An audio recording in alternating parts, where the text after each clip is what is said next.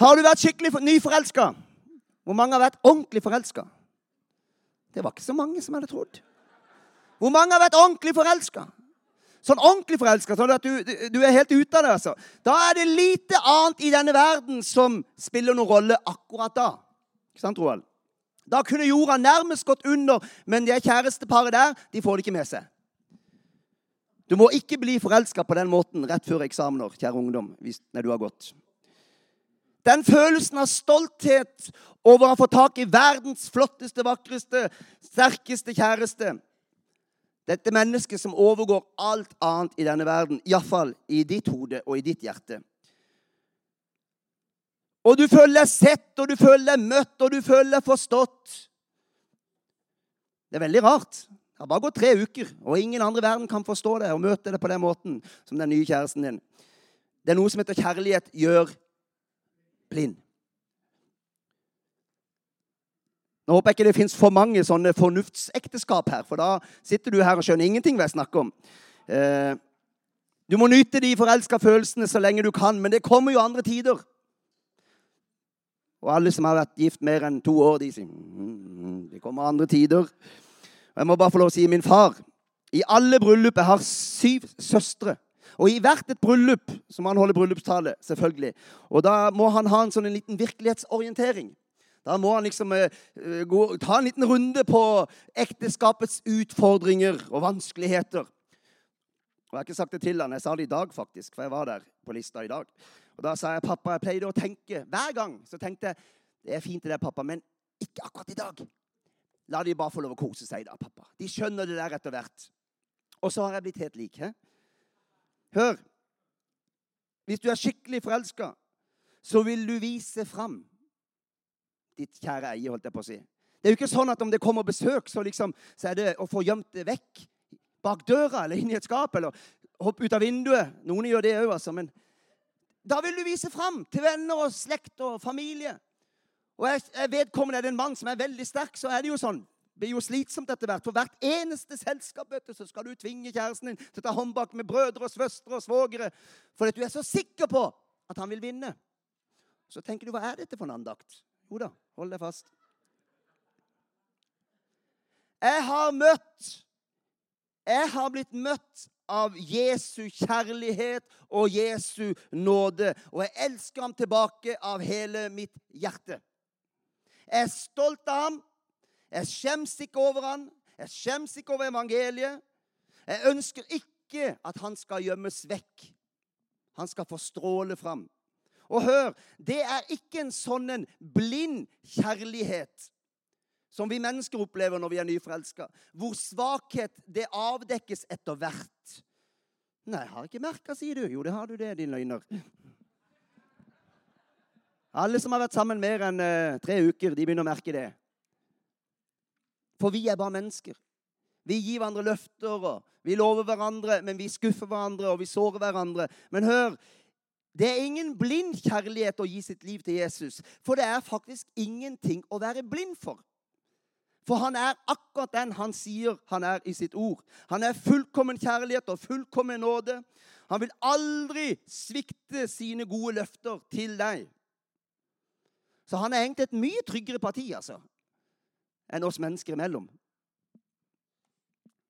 For så høyt har Gud elsket verden at han ga sin sønn den enbårne for at hjelp meg, for at hver den som tror på ham, ikke skal gå fortapt, men ha evig liv. Det er ikke først og fremst jordkloden. Han er glad i naturen. Det så at han, han så på det han hadde skapt, og var fornøyd. Men det er oss mennesker det refererer til her. Det er alle i dette rom. Han elsker deg og deg og deg. Og da kan du tenke han elsker meg. ikke det er fantastisk? Og jeg vil skryte av Jesus som en, en som er forelska. Det er rart. 45 år gammel. Jeg har til og med teologisk høyskole. Fire år. Har gått gymnasium, det. og Sikkert ikke noe dummere enn du er. Sikkert, sikkert ikke noe mindre opplyst enn det du er. Så står jeg her, da, 45 år gammel, utdanna som rimelig oppegående, og så sier jeg vil skryte av Jesus. Av, med hele meg. Alt han er, og alt han står for. Disiplene, hva sa de? For vi kan ikke la være å tale om det som vi har sett og hørt. Og da har jeg lyst til å legge til og det de hadde erfart. De hadde møtt betingelsesløs kjærlighet, nåde og kraft hos Jesus. Romerne 5,8. Men Gud viser sin kjærlighet til oss ved at Kristus døde for oss mens vi enda var syndere. Hvor mange har hørt, om Freddie Mercury? Ja. Oh yes, ja. Fra gruppa Queens. Han døde i 91. Og de siste albumet, The Miracle, så spør han er det noen som vet grunnen til at vi lever, synger han. Og han sa like før han døde, du kan ha alt og likevel være verdens mest ensomme menneske. Og han hadde suksess. Hadde nok av penger. Og han sier du kan ha alt og likevel være verdens mest ensomme menneske. Og Her rører vi ved kjernen av dette behovet vi mennesker har av mening med livet, det å føle seg elska, det å føle seg trygg. Og for mange et håp om noe annet og noe mer der oppe. Og I Vesten i dag så begynner vi å bli mer åpne for den åndelige dimensjonen. Og det er jo på mange måter bra. Men Vesten sier også det er ikke så viktig hva du tror på, sier Vesten. Bare du er oppriktig, og bare du får noe ut av det, og det føles rett for deg, så er egentlig alt greit. Enhver blir salig sin tro. Problemet er bare at alle veier fører ikke til Rom. Kjenner dere uttrykket? Alle veier fører til Rom. Det gjelder ikke evangeliet. Jesus sa, 'Jeg er veien, sannheten og livet.' Ingen kommer til Faderen uten ved meg. Og dette er det punktet som gjennom hele kirkehistorien har vært vanskelig for verden å håndtere. Det var når de kristne sto fram og sa det fins bare én vei. Og der kom forfølgelsen med en gang. Det var helt greit å ha hundrevis av retninger, og du kunne stå frem og mene hva du ville, og preke hva du ville. Det gikk stort sett bra for alle til de kristne sto frem og sa nei, alle har tatt feil. Det fins bare én vei. Og så har det gått 2000 år, og så står vi fremdeles til store protester fra verden og til store protester fra samfunnet. Men det er sant. Det fins bare én dør. Du kan ikke velge. Det fins bare én dør, og det fins bare én vei til himmelen. For å ta imot Jesus, for å erfare hans nåde og hans kjærlighet, så må man skjønne man må skjønne hvorfor man trenger han. Hvorfor trenger jeg Jesus? Jeg klarer meg godt. Alle har syndet, står det, og står uten ære for Gud. Der har du svaret hvorfor. Ingen av oss kan rense oss sjøl. Det fins det bare én som kan. Så fins det mange som har gitt sitt liv for en god sak. Du vet det? Det er ikke bare Jesus som har dødd på korset for en god sak. Det er mange mennesker som har gitt sitt liv. Og Rett meg nå, Vidar, hvis jeg sier feil, men Kopernikus Kopeina, hva heter han nå? Kopernikus astronomen. Har dere lest om han? Han som påsto noe så galskap som at jorda var rund. Han var så ivrig at han valgte å gi sitt liv på det. Han ville ikke gå tilbake på at jorda var flat, så han bøta med livet. Så det er mange som har gjort det, men hør Det finnes bare én som frivillig har gått i døden og attpåtil betalt for all verdens synd og urett og som evner ikke bare å tilgi meg, men også å gjenføde oss til et nytt liv. Da kunne du nesten sagt amen, eh, Roald. Se, alt er blitt nytt, står det. Tenk på det. Han gjør det til en ny skapning. Det er mer enn vi kan forstå.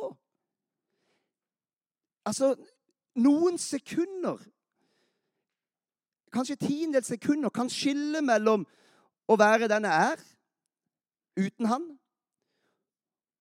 og plutselig, i løpet av noen få ord, noen få tanker til han Bare enkelt å si 'Jeg tror på det. Jeg tror du døde for mine synder. Jeg tar deg imot i mitt hjerte.' Så går det tiendedels sekunder.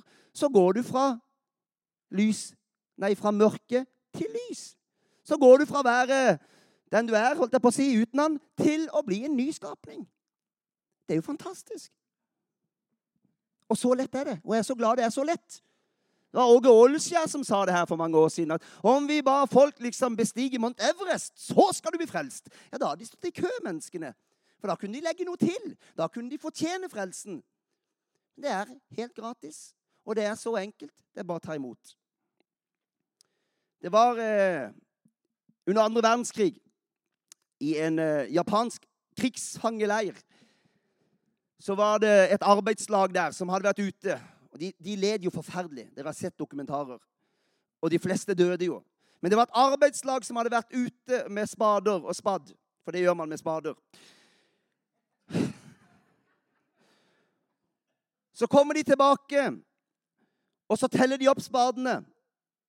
Leirsjefene eller vaktene. Og så mangler det én spade.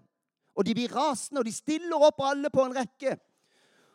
Og de krever at den som har tatt spaden eller mista spaden, skal komme fram. Og da er det en dødsdom som venter. Så kommer det ingen. Når han har sagt dette, så er det én som går frem foran de andre, og han blir henretta umiddelbart. Så går de og leter, og så finner de spaden. De hadde telt feil. Det var en som gikk fram et skritt, for han skjønte at hvis jeg ofrer mitt liv nå, så sparer jeg alle de andre. Men han var uskyldig. Han var uskyldig. Og det er akkurat det Jesus har gjort når han ga sitt liv for oss. Han tok straffen for at vi skulle slippe.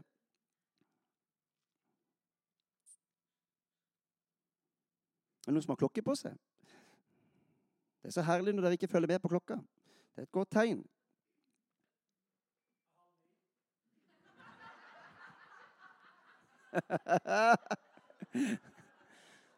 Jeg skal si tida flyr når man preker. Da mister du tidsperspektivet. Altså. Jeg trodde jeg bare hadde prekt i ti minutter. Så er det gått en og en halv time. To timer. Når vi sier nei til Jesus, så sier vi ja til å ta straffen sjøl. To mennesker de gikk på skole sammen. Og de utvikla seg i veldig forskjellig retning. Én ble en forbryter, og en annen ble en, en dommer i retten. Og En dag så kom denne gamle vennen framfor denne dommeren for en sak han var blitt anklagd for. Og han var skyldig. Han hadde begått en forbrytelse. Og dommeren ser sin venn og tenker at dette var trist. Han ville egentlig bare gi han, liksom, slippe han løs og si det er greit, vi glemmer det nå. Men han kunne ikke det, for han var en rettskaffen dommer. Han kjente sin jobb. Og det ville være feil overfor de ramma for voldshandlinger at han bare lot han gå. Så han måtte idømme han en ganske kraftig bot. Og den var større enn han kunne betale, så han visste at nå må han gå i fengsel. Men det gjorde han, for det var rettferdig. Så han idømte han denne bota. Men så gikk han ned like etterpå, og så sa han, 'Nå er du dømt, og du har fått din straff. Du er skyldig, men jeg skal betale for det.' Og så tok han den boten, og så betalte han for sin venn. Og igjen, det er akkurat det Jesus har gjort. Han har betalt for mine og dine synder. Alt vi ikke får til, det fikk han til, og det har han betalt for. Tenk på det. Så kan vi bare ta imot. Amen.